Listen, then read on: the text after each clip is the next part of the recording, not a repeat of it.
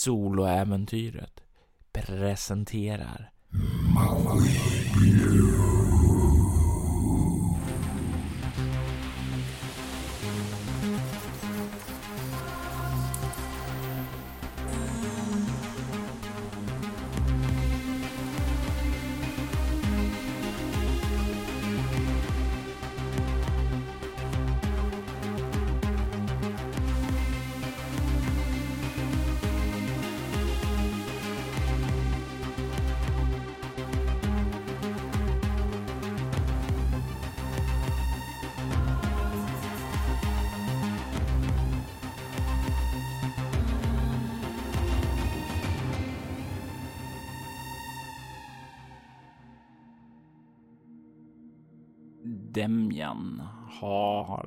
gjort framsteg med sin bas.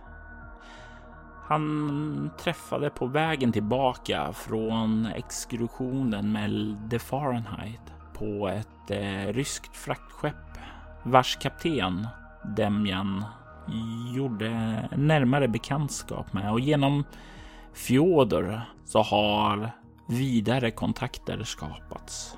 Representanter för handelsstationen Charasho Kosmicheski Basa är på hans bas för att eh, diskutera affärer. Hur har Demjan förberett sig? Hur har han mött upp dem innan ni liksom slog er ner för att diskutera och formalisera ett närmare samarbete med varandra? Demjan har ju sett till att eh, just hangaren och det är i toppskick. Eh, till själva mötet, sen till att eh, alkohol finns och eh, ja, men kanske lite finare exklusiv så här, syregas kan finnas till, eller näringsgas som det så fint heter. Och eh, det finns ju alltid, precis som eh, Fjorder påpekat, så ska man ju alltid ha någon liten gåva. Och eh, i detta fallet så blir det ju något, något finare dryckeskärl som, som Demjan har plockat fram.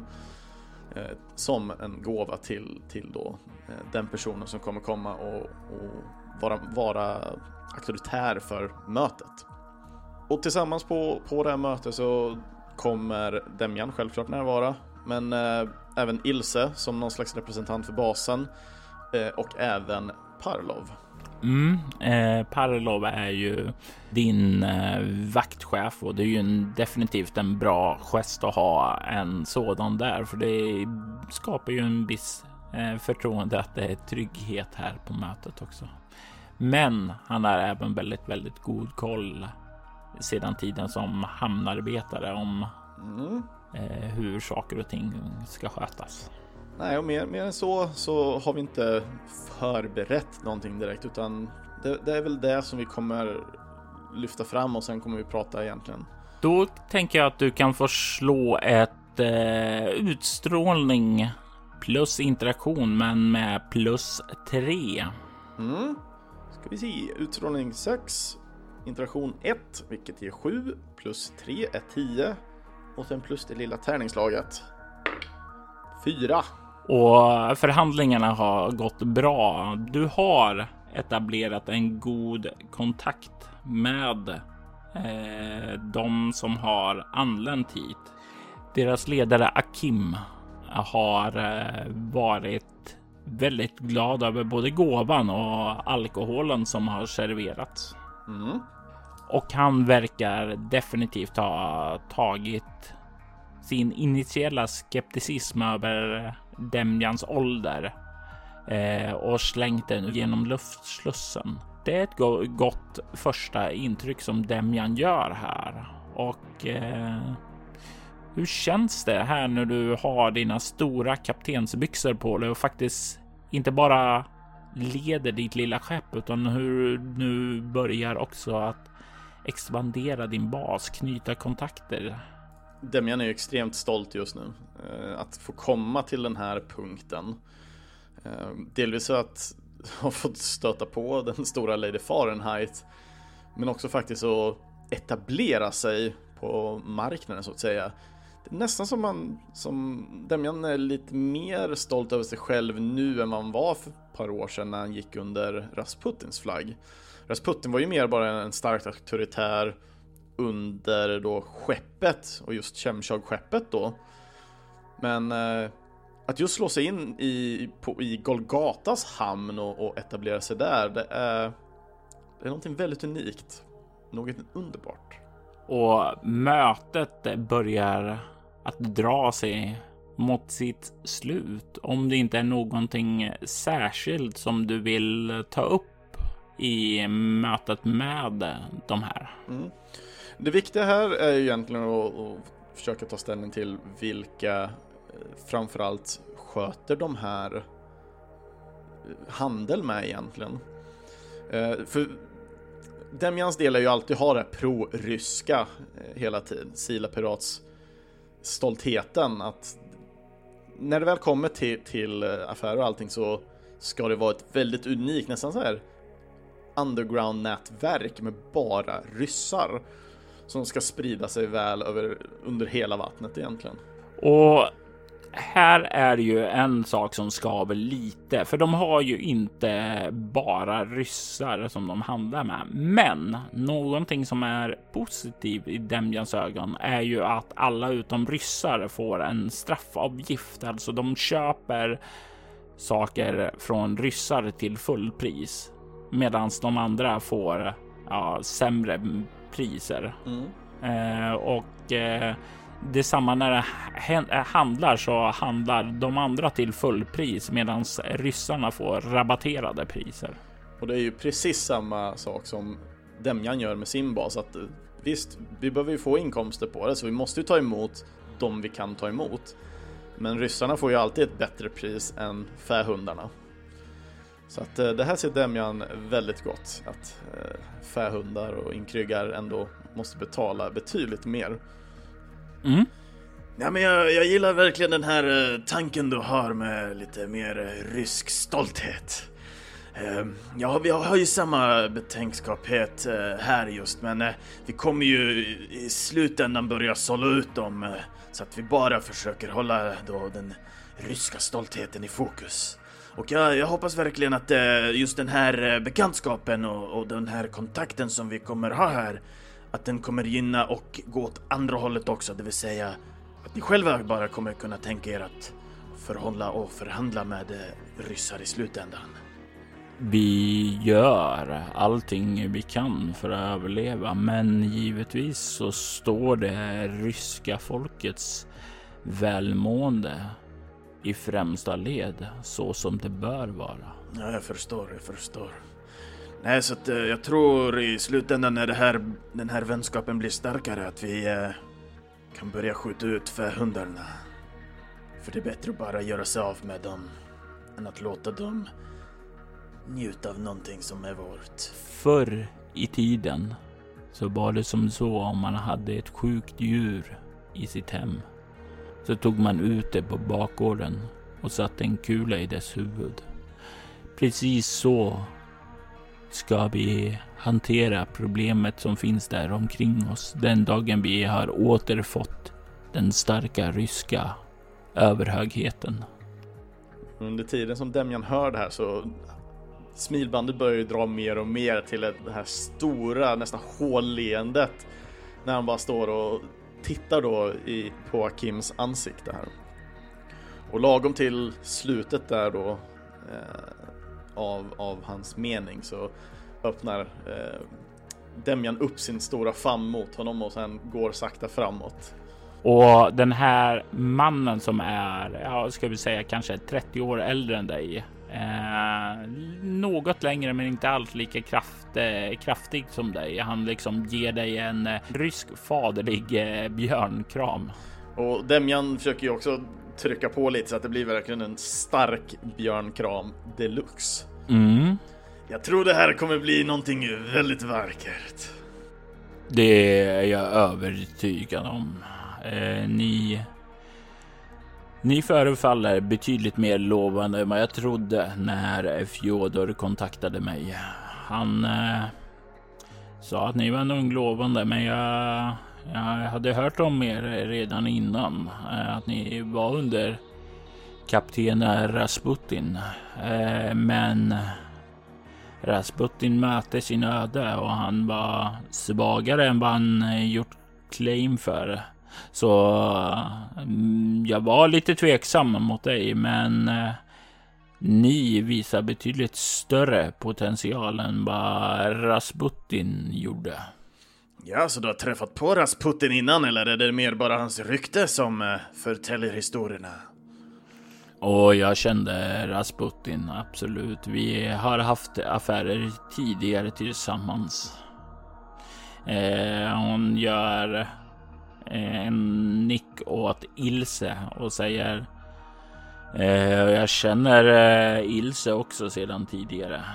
Eh, även om jag inte är säker att hon minns dig. Och du kan se att Ilse gör en sån här nick eh, ungefär som Jo, jag känner, jag minns dig. Ja, och sen eh, som sagt, vi har ju redan börjat ta kontakt med Lady Fahrenheit också. Men det är också någonting som vi i slutändan kommer vandra ifrån. Men som sagt, när du väl kommer till basen här så har vi hennes förfogande också. Var försiktig med henne. Hon är en orm. Hon är en utmärkt motståndare på det sociala spelet. Men du kan inte lita på henne. Hon kommer att sticka kniven i ryggen på dig om du inte sliter av hennes huvud först. Likt Norm så kommer jag ta den via vid huvudet och sakta skära av. Utmärkt. Jag litar inte på henne, men hon har ändå ett, en social makt. Och eh, det kan vara bra att uh, ha en någorlunda koll på den. Så kan det absolut vara. Ja, men då anser jag att uh, våra affärer här är gjorda uh, och jag ska börja dra mig tillbaka. Jag har en liten sak dock som jag skulle behöva hjälp med redan innan här. Innan vi avslutar vårt själva möte här. Okej. Eh, för all del, vad önskar ni ha hjälp med, Demjan? Just i detta tillfälle så vi ligger ganska starkt fram i, i eh, en forskning vi håller på med. Någonting som eh, kommer gynna våran, våran handel rejält. Så jag skulle behöva någon liten indikation av vänlighet från ert håll. Självklart får ni ju någonting tillbaka till slut. Till och med med lite extra. Men vi skulle behöva lite intäkter för att visa lite god tro. Det ska inte vara några problem. Eh, så fort jag lämnat er och kommit till mitt skepp så ser jag till att göra överföringarna. Men exceptionellt. Eh, det är fantastiskt. Ja, Fjodor, ja, han rekommenderar er och sa att ni var väldigt, väldigt vettiga. Som jag förstår, han hade gjort flera affärer med er också. Det stämmer alldeles utmärkt. Fjodor har arbetat åt oss vid ett flertal tillfällen. Eh, så eh, vi vet att vi kan lita på honom och när han eh, rekommenderar er så var det definitivt värt att lyssna på. Jag kommer inte låta er gå under ytan på något sätt, även om vi alltid är det. Men det här kommer gynna oss båda. Tro mig. Jag litar på dig, Demjan, säger han och ger dig en eh, ny björnkram innan han tar farväl av dig och börjar lämna rummet för att ta sig tillbaka till sitt skepp. Mm. Eh, speltekniskt innebär att du får tre stycken baspoäng när du inkasserar den här första tjänsten du har av den. Det innebär att eh, han kan inkräva en gentjänst någon gång här för eh, att eh, ja, bibehålla kontakten då innan du kan be honom om mer mm. Eh, investeringar. Så med det vad är din nästa steg, Demjan? Yes, nästa steg är ju två stycken steg och det här kommer ju ske eh, inom Golgatas gränser. Eh, det är nämligen så att vi ska utveckla våran bas lite till och detta då till Dr. Sols syfte. Eh, hon önskar nämligen få noder som hon kan då få direkt tillgång till eh, Golgatas nodnät. Så att vi ska ta och fixa helt enkelt en nod till vårt forskningslabb och vår klinik då. Jag tänker mig att du även eh, vill skaffa dig ett RFID-chip då i samma veva. Mm, det var ju det andra syftet då, då inom Golgatas eh, gränser. För eh, det här med parasittech, även om det är kul så är det inte så jäkla kul att se ut som någon slags cyberpunk-person eh, som går runt och ska koppla in sig eh, fulmässigt sett till allt. Plus att det skulle varit väldigt skönt att kunna faktiskt gå in genom dörrar. Och då vill jag veta vad det är som du, eh, hur du går tillväga, var du börjar leta. Är det några särskilda kriterier du letar efter som du ska handla ifrån? Eh, I detta tillfälle så tror jag det är nästan bättre att eh, använda sig av min personal, eh, Lelja, som faktiskt har lite koll på marknaden här inne, vad som är vettigt. Hon är ju en, en effektiv värderare för, för Demjans del. Så att eh, jag tror det skulle vara egentligen det bästa tillvägagångssättet, se vad eh, Lelja själv kan rekommendera. De Demjan själv vill ju alltid hålla det lite på eh, den nedre underground-nivån eftersom han är ju ändå pirat. Men sen Golgata är ju Golgata också. Mm. Så det är väl inte så svårt. Det är ju, hon kanske pekar till första bästa stället.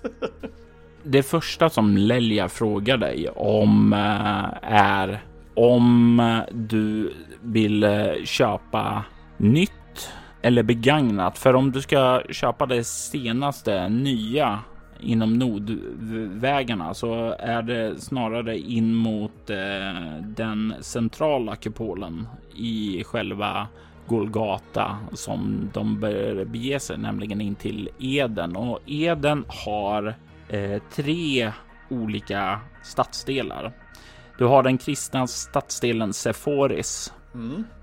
Du har även den judiska stadsdelen Jerusalem och eh, du har den islamska stadsdelen Makkah. Mm. Och eh, alla de här har eh, flera olika um, handlare eh, som hon kan rekommendera till dig om du vill köpa nytt.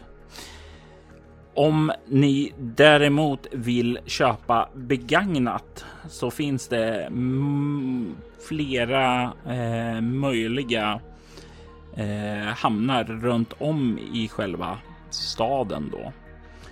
Eh, men eh, de är ju som sagt var begagnade, inte nödvändigtvis lika bra.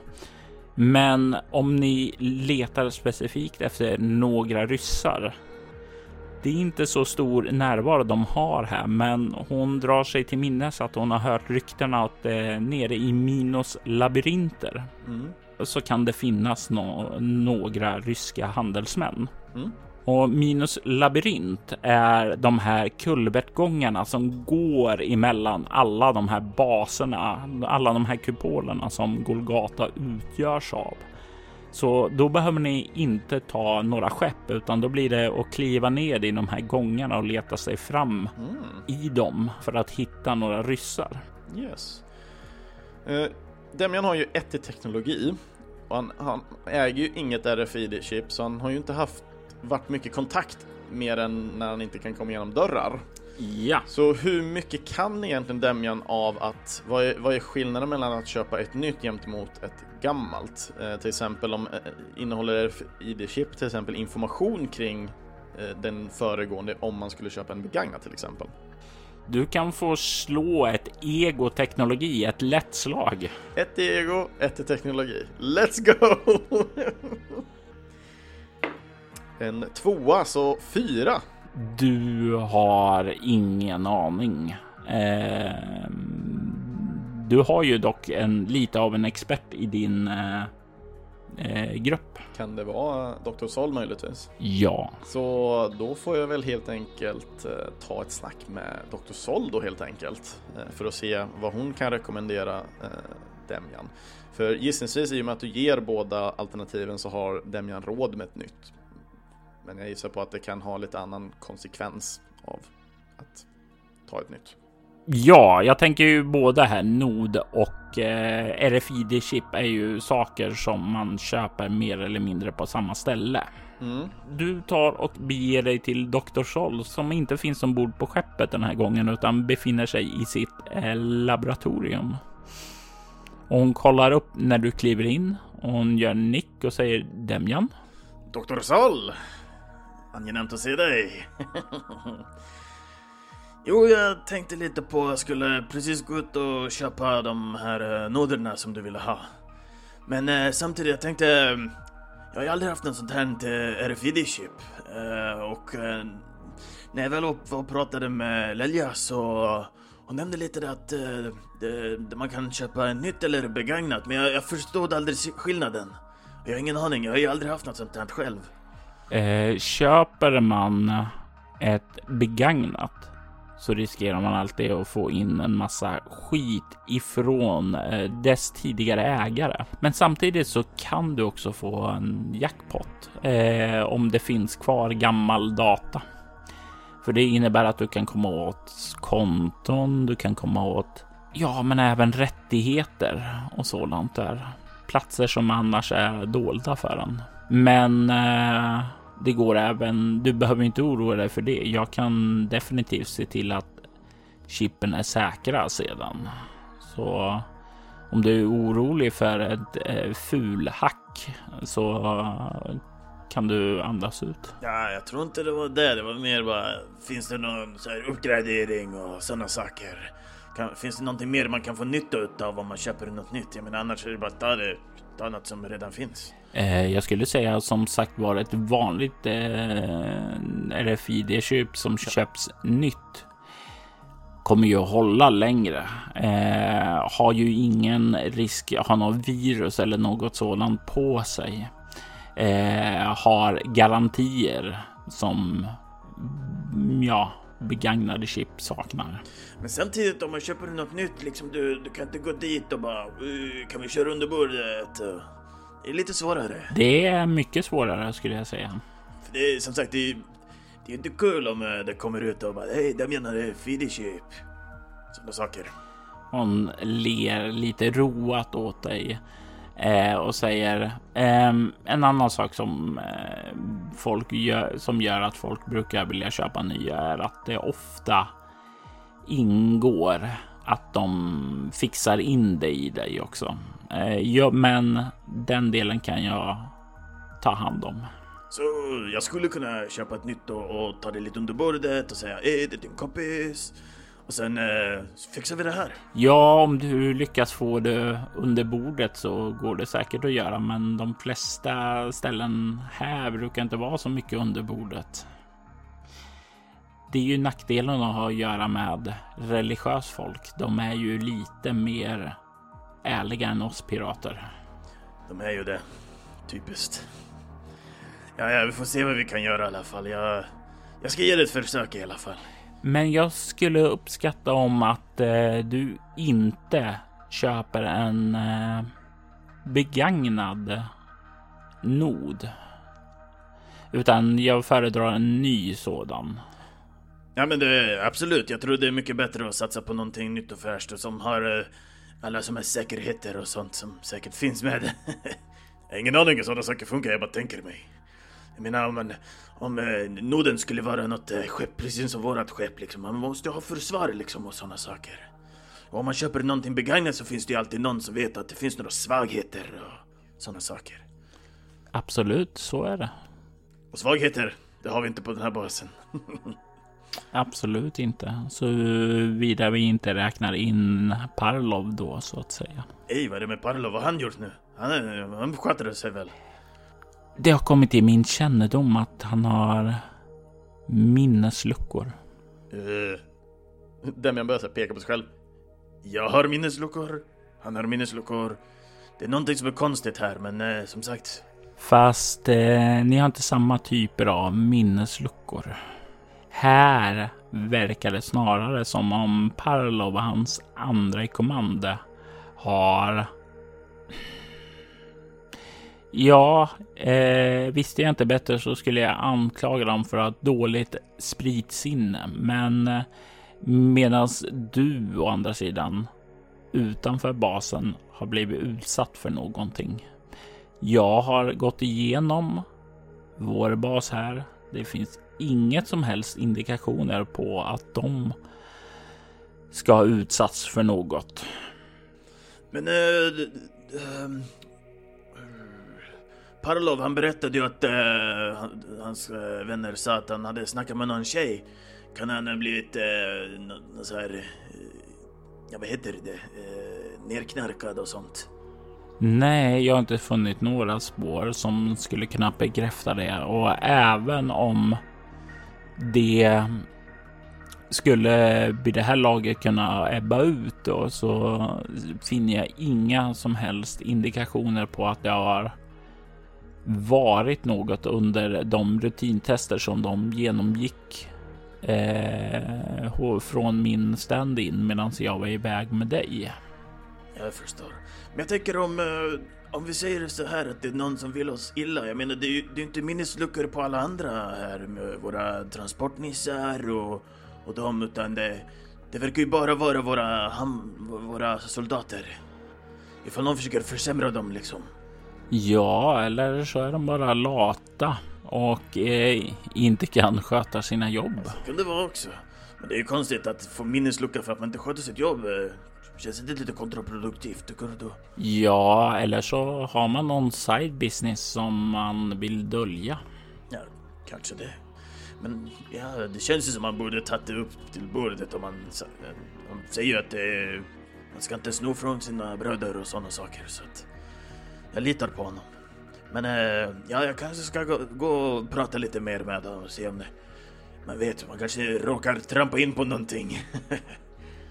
det jag tycker definitivt du ska ha ett öga på Parlov. Eh, vi ska inte lita på alla så lättvindigt. Kom ihåg trots allt att han kommer utifrån och han inte var en eh, sann Sila-pirat i grunden. Men eh, innan du gör det så skulle jag uppskatta om du kunde fokusera på det faktum att eh, jag får min nod. Absolut, jag ska, då, jag ska gå och fixa den direkt och eh, vi får se hur vi gör med RFID-chippet. Men eh, jag ska se om jag kan, man vet inte, man kanske kan få någon deal att hej jag köper den här och så ska jag ha den här men den vill jag inte ha där utan bara noden allting så tar vi det under bordet och ja, vi får se. Det löser sig. Jag är säker på att du löser det. Slå bara inte in någon skalle här på basen. Vi ska fungera här många år framöver, tänker jag. Jag ska försöka hålla mig. Jag ska inte ta med någonting medvetet i alla fall. Hon ler lite överseende med dig. Demian så här går, går utåt. Sen, sen tar han tag i något verktyg som finns här vid sidan av och så tittar på det. Så tittar bort mot, mot Sol och sen lägger ifrån det bara. Inga, inte till med. sen går han ut. Hon skrockar lite för sig själv. Och eh, medan du går ut så hör hon sätter igång den klassiska musiken igen medan hon fortsätter sitt arbete. Ja, det är jag stannar upp lite och så bara, ja men den här musiken är ändå, är ändå rätt bra. Och det är ju alltid någonting där när hon sätter igång den där som har gett den här ron hos stämjan. Ända sedan hon kom ombord skeppet för ett tag innan du skaffade den här basen. Så vad planerar Demjan att ta vägen härnäst? Yes, uh, nästa del, del, som vi ska ha här. Uh, Demjan kommer ge sig in i centrumet av Golgata och inte till kulverterna uh, för ryssarna. Och uh, så som jag minns det, ryssar har väl ändå någorlunda lite kristet i sig så att man kanske kan ha tur i den kristna delen tänker jag. Med att kanske förhoppningsvis hitta någon ryss i alla fall. Du tar och beger dig iväg till Sepphoris med ditt skepp. Tar du med dig någon från skeppet in i Sepphoris eller går du dit själv? Eh, Demjan med skeppet kommer jag ta med Parlov och Ilse. För jag vill ha Parlov i närheten för att se hur han agerar och hur han eh, fungerar egentligen just nu. Eh, men jag går själv in på eh, basen. Såvida inte Ilse faktiskt vill ha något ärende där inne, men jag tror inte hon har det. Nej, det har hon då inte. Men det finns ju en annan sak att eh, det var ju det här med ryska.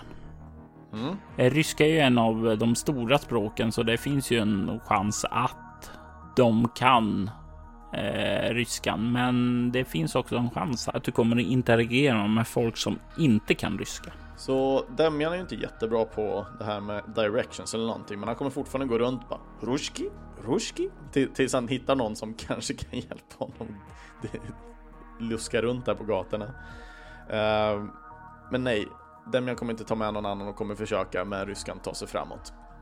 Du kliver av skeppet och in i seforis Och du kan ju se när du kliver in där att du kanske förväntar dig en betydligt mer städad och steril stadsdel än vad du egentligen möts av.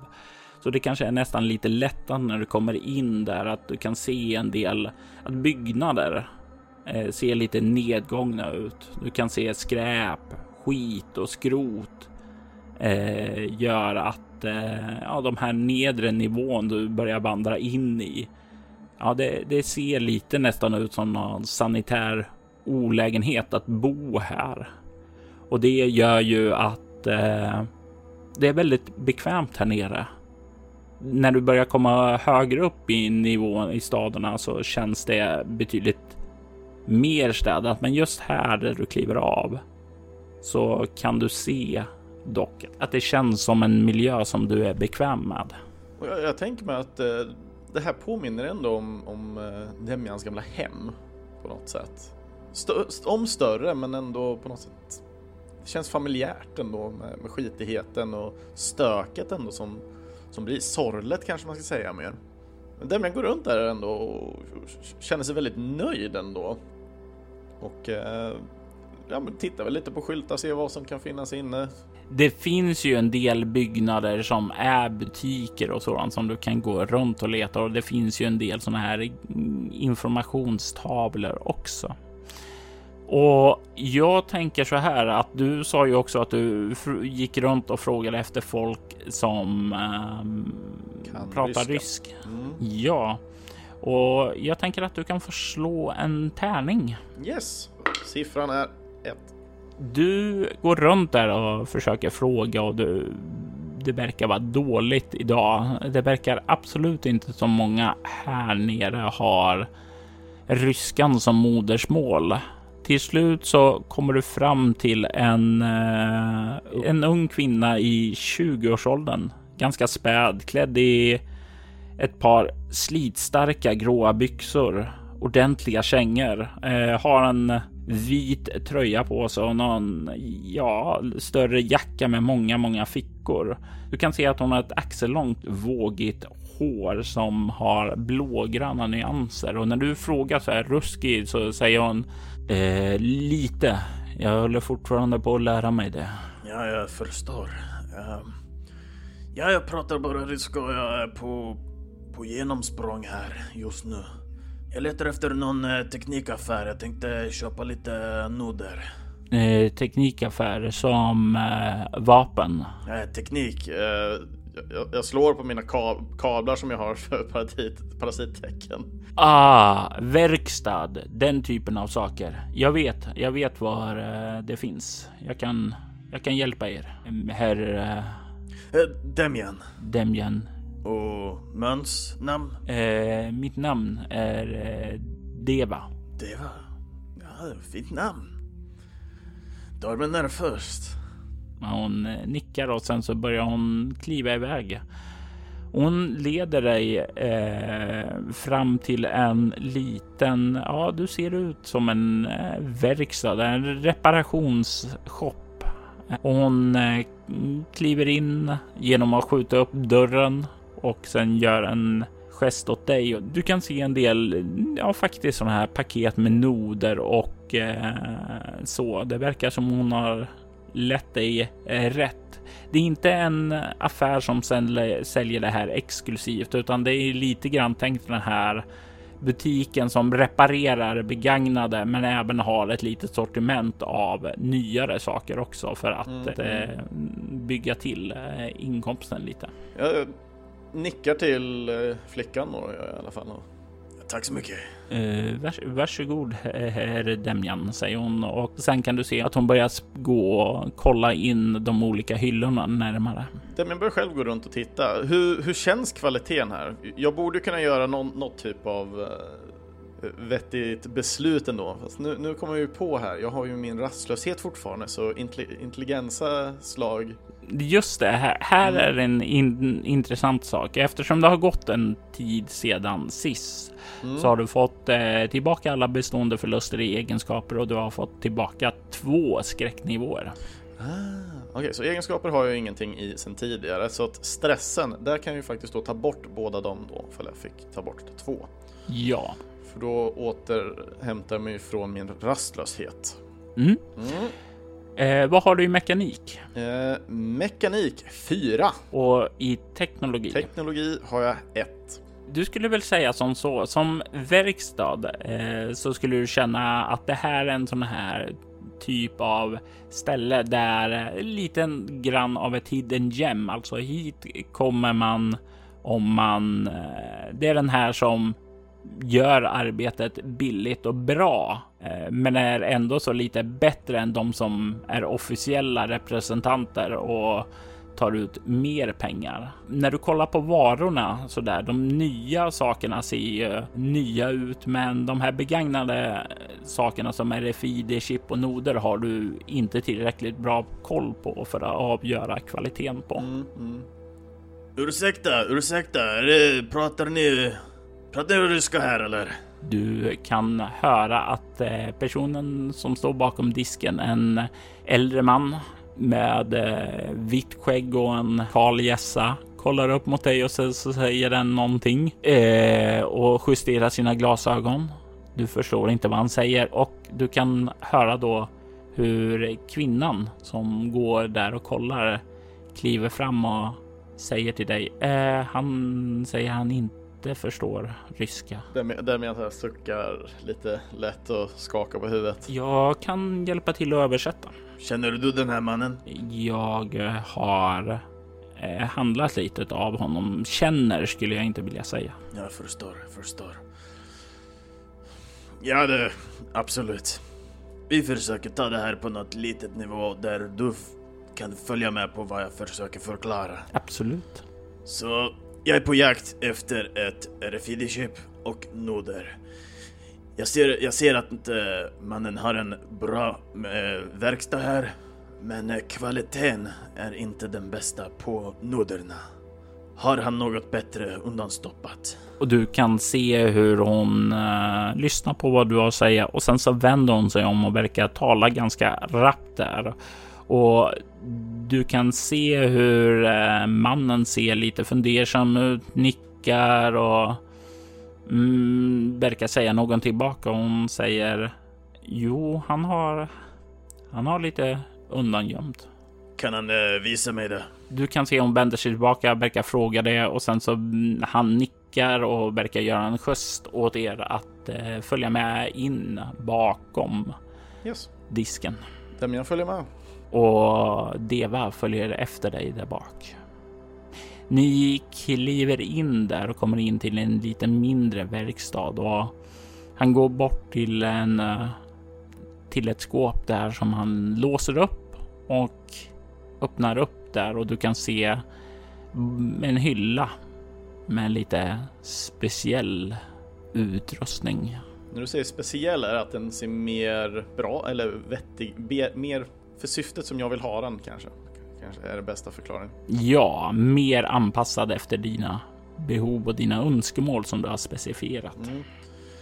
Demian går tyst fram och så tittar på mannen och sen siluerar mot den liksom, är det okej okay om jag rör den typ? Han nickar. Eh, Demian börjar liksom lutta runt och titta på den här, vrida och vända och se, är, är det här vad jag söker efter? Och med ditt teknologi 1 eh, så har du faktiskt ingen aning. Nope. Men rent mekaniskt så ser den fin ut.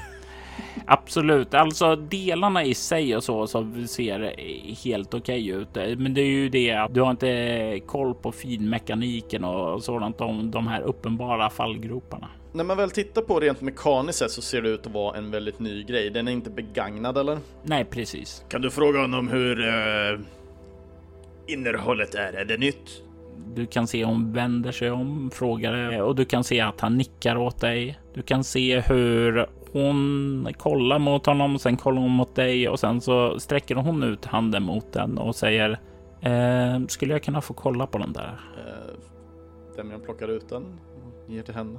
Och du kan se hon börjar peta på den och kollar väldigt noga där efter saker. Hon för sin hand över den och sen så verkar hon stanna till, kollar upp på mannen och sen så kollar hon mot dig och säger Jag tror han ljuger för dig. Det, det är öppnat här och jag ser inget skäl till att man ska öppna det om man inte vill byta ut det som finns här inne i noden. Alltså som, ja, eh, som om man ah, reparerar något gammalt men vill få det att se nytt ut. Vem jag får en seriös min på ansiktet. Från att vara den här lite mer avslappnade så blev det lite mer bitter min åt det här hållet funderar lite. Börjar titta runt så här i verkstaden och men den, den, ser väl lite shabby ut ändå, men på något sätt skiner igenom ändå kvalitet på något sätt. Mm. Så tanken, tankarna i, i Damians huvud är så här att var, varför hade han velat byta ut någonting och göra något humbug men? Kan du fråga honom ifall den här är stulen? Det kan jag göra, säger hon och vänder sig om samtidigt som hon räcker tillbaka den här. Jag vill veta vad du har obemärkt. Eh, obemärkt 3. Noterat. Mm. Du ser hur hon eh, pratar en stund med honom och du kan se att han skruvar sig lite och svarar lite avvaktande. Och sen så vänder hon sig om och säger bingo.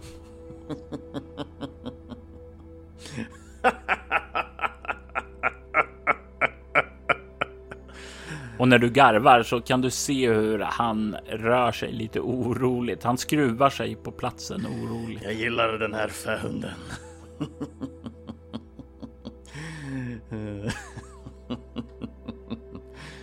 Den går förbi. Ja. Titta runt i salen. Hur många vägar ut finns det? Vad du kan se så finns det bara en bakdörr mm. utöver den dörren ni kom in i.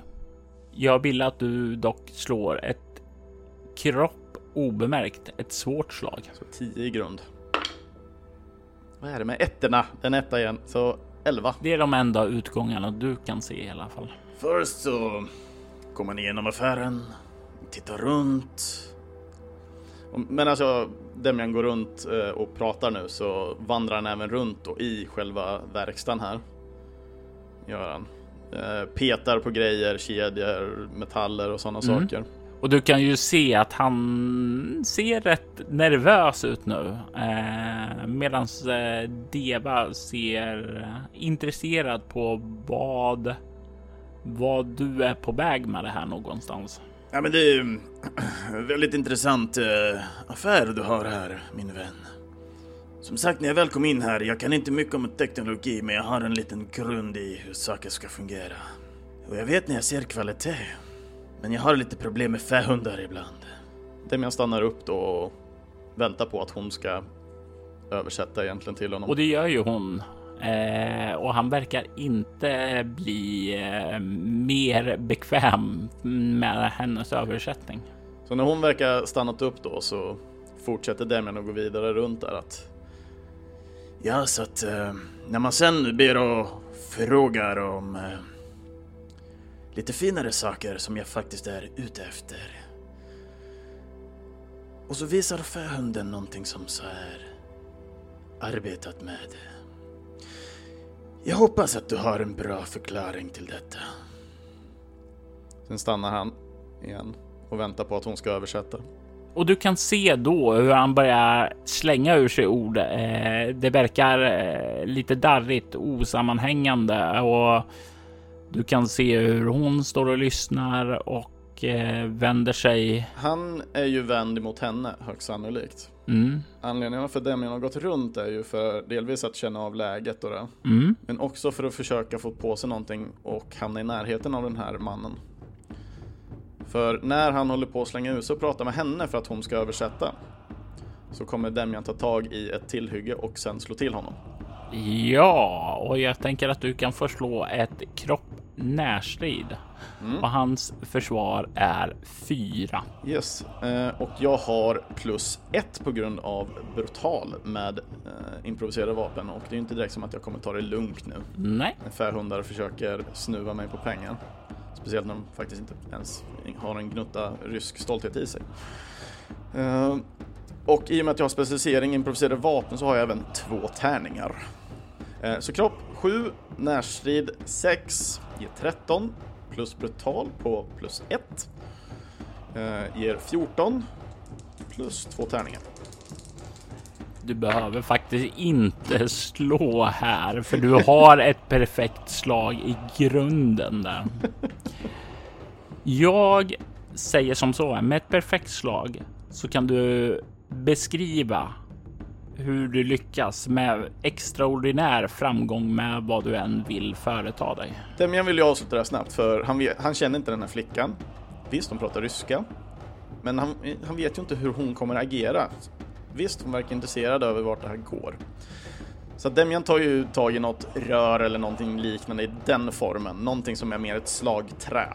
Och eh, det här går ju med en ganska hastig rörelse. Från att någonting ena sekunden ligger på ett bord så blir det ta tag som en snabb snurr och sen bara rätt in i bakhuvudet på den här mannen. Och han faller ju död till marken. Han ligger där livlös och du står där kvar ensam i verkstaden. Det är tyst du hör ingenting omkring dig. Vänta nu. Var det inte någon annan här? Var det inte någon... Nej, nej, det... Eller... Du skakar av dig själv. Klart att det inte är någon annan här. Du skulle ha lagt märke till det i så fall.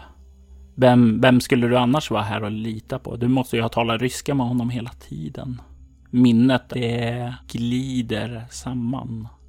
Då minnet av den här Deva verkar försvinna ifrån ditt sinne. Och hela det här mötet med den här mannen har bara involverat dig och honom. Du står nu med hans lik framför dig. Vad gör du? Demian känner inte mycket för den här mannen.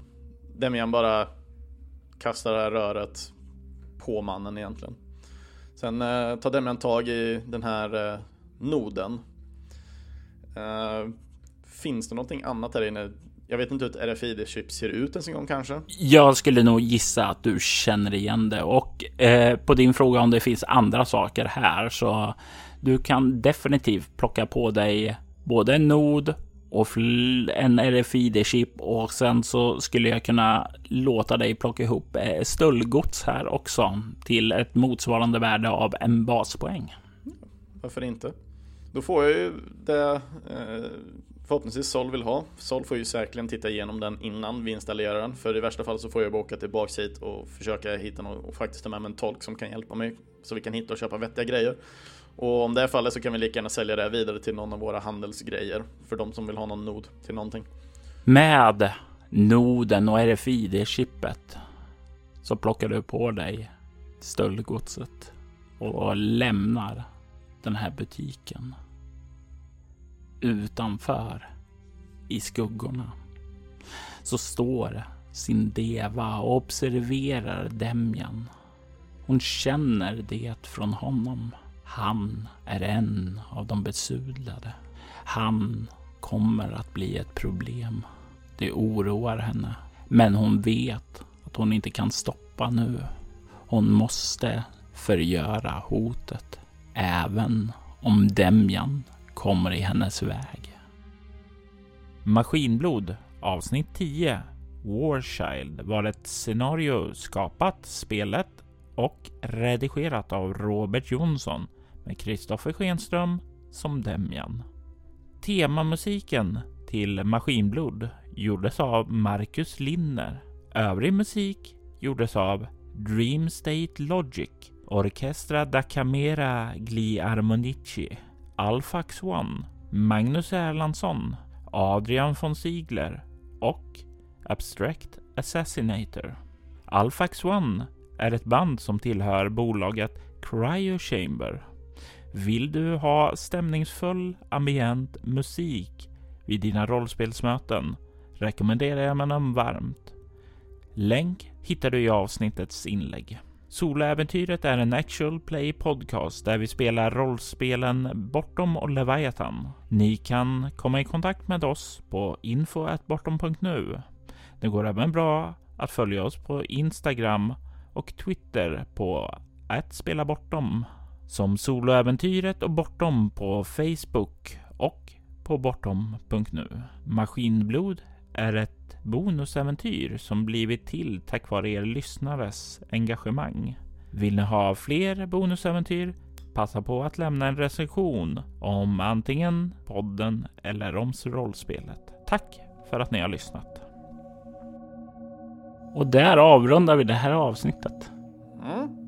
Inget eftersnack? Eh, nej, jag tror... Eller jo, det, vi ska ju givetvis mm. ha ett eftersnack också. Ja, jag tänkte väl det. eh, ja. Och nu så har du, du... Nu har ju du ett RFID-chip. Du mm. har eh, införskaffat noden. Du kan skriva upp nod nu på basen och stryka Eh, Dr. Sol var nöjd med den. Dr. Dr. Sol kommer vara helt nöjd med det. Hon kommer knorra lite över att den inte är helt ny, men hon kan känna att ja, men det här är ändå ett exceptionellt hantverk. Det tar lite längre tid än en helt ny att kolla igenom den så att hon är helt nöjd, men hon kommer att eh, ganska snabbt kunna installera den och du kan notera då en nod i eh, att den är kopplad till labbet. Då. Så. Eh, för jag, jag, tänkte ju det att eh, om hon inte är nöjd med den så kan vi absolut gå, för vi har ju fortfarande pengarna kvar för att gå och köpa en riktig.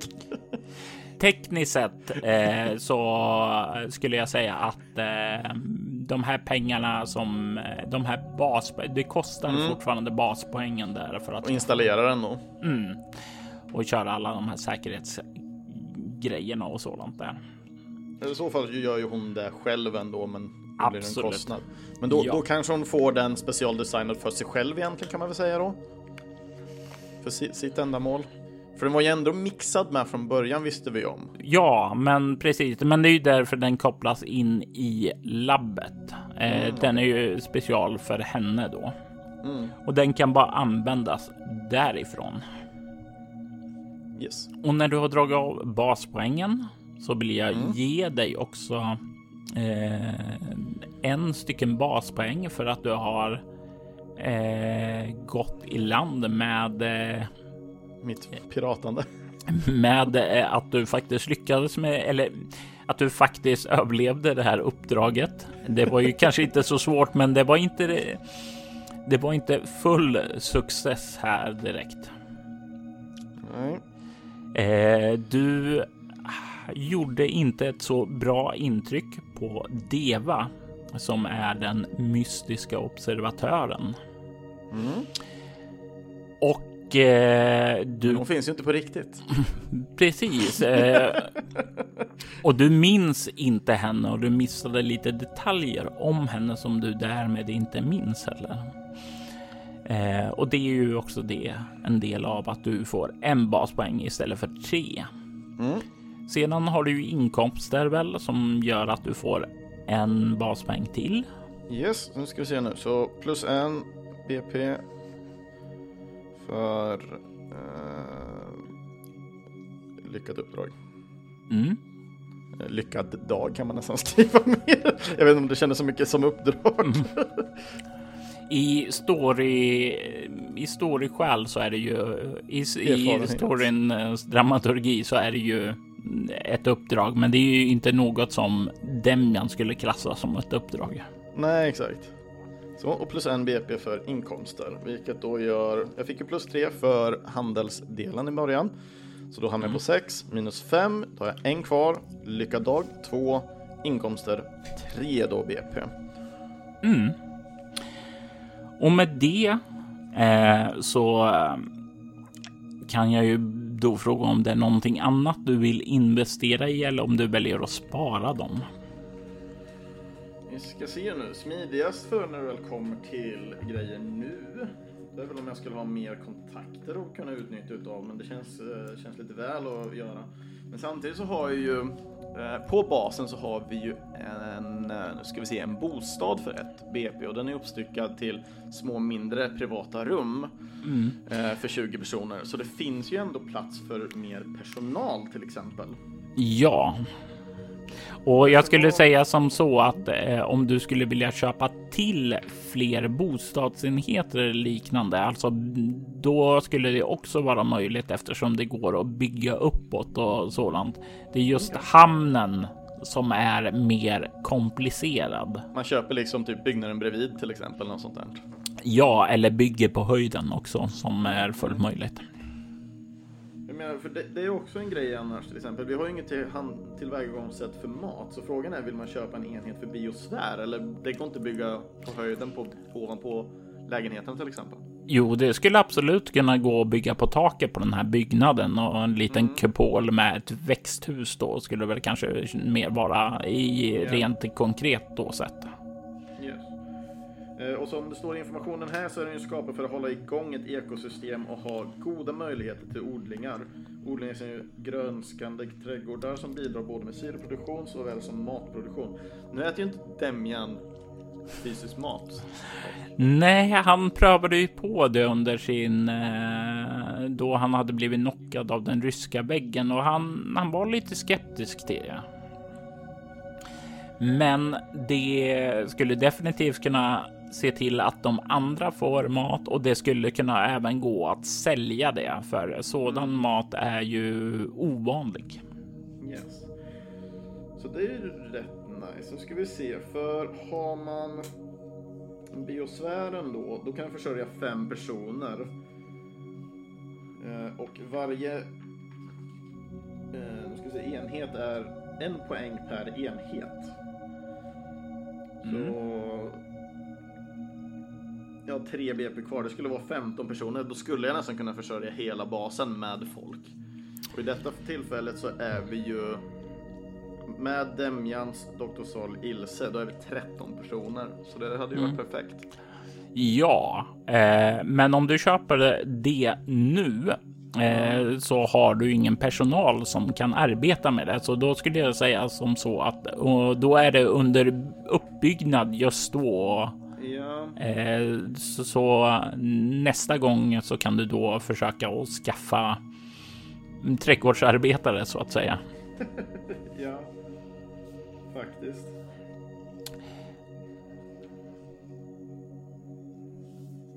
Samtidigt, ja, sen har jag inte råd. Det känns onödigt. Jag kan köpa en, men då är det fem pers. Då, då känns det som jag kan inte hålla så många. Vi är mat, matande ändå. Så det känns bättre att bygga upp en vettig bi biosfär istället då. Och då tänker jag mig det är en uh, kanske en sån här hög biosfär, alltså att det, det slingrar sig upp i gångar och ställningar där också. Mm. Eh, då är frågan när det kommer till basbyggande och antal enheter, är det egentligen så oändligt så, så, så mycket som en spelledare bestämmer att det får vara? Eller? Ja, eh, det skulle jag säga att det är. Alltså givetvis så finns det ju eh, vissa begränsningar utifrån platsen man är på. Eh, men jag skulle säga det är ju därför du inte kunde ha in fler hamnar till exempel. Mm, mm. Eh, och eh, om du tekniskt sett skulle ha en bas ute på ja, typ 7000 meters djup så är det ju mycket svårare att bygga och lägga till där också. Alltså, så det är ju lite grann. Det är inte reglerat av reglerna i sig, utan det är lite mm. mer som där man som spelledare och spelare som ja, precis sätter sin egen flavor på det. Yes, Nej, men då gör jag så här. Jag kör två stycken biosfärenheter och sen är jag faktiskt intresserad av för Demjan skulle att ha en verkstad. Med tanke på att Demjan ändå har lite mekanik och det. Mm. Och då tänker jag mig som så att du kanske bygger verkstaden åt sidan medan du bygger på... På höjden? Ja. Yes. Då har du använt upp alla dina baspoäng va? Mm. Det stämmer. innebär att vi kollar på dramamätaren och nu har du ju fyllt både båda utmaningarna negativt. Yes. Vilket innebär att eh, eh, Lady Fahrenheit och den mystiska observatören som du kan uppdatera nu till sin Deva. Mm. Så mystisk observatör blir eh, mystisk observatör inom klammer Deva. Mm. Mm. Och det innebär att du har nu ett slag att göra på dramamätaren. Och du har eh, tre stycken minus två modifikationer. Oh, jag, jag, är helt seriös inne på om jag ska köra den där bort, bort, bortsänd tärning och bara hoppas på två. Det känns som jag har större chans med tanke på slagen jag slagit idag så känns det som det bästa. Att jag lyckas slå en sexa på, på två tärningar eller på, på en tärning som inte har ett minus, det, den känns eh, för väl. Du eh, kan tekniskt att... sett även lägga minus två på en tärning och minus fyra på en annan. Jo, exakt. Men det är just det, på den tärning som jag slår med minus två så behöver jag ju en sexa för att hamna Ja, ja det är ju för sig sant. Mm. Med tanke på hur jag slår så vill jag inte göra det. Så jag, jag väljer att lägga minus 6 på en tärning så jag bortsar den. Ja, och då behöver du inte slå den helt enkelt. Utan kan, kan se hur, hur, illa det hade varit. Mm. yes, nej, men då slår vi de två som jag inte har något minus på. Så hoppas vi på att jag får 4 plus på de här då. Mm. Nej, börja med en trea. Det är inget. Nej, en etta. Det, det, det, går inte Demjans väg den här gången. Så att två, det är tre fel. Och det innebär att du får två negativa eh, kryss. Mm, så då är jag uppe på fyra. Och då innebär det att du har fyllt den negativa dramamätaren. Vilket innebär att nästa spelmöte så kommer saker och ting nå sin ände för basens framtid. Vi får se vad det innebär för Demjan och hans personal. Men spännande tider väntar för honom.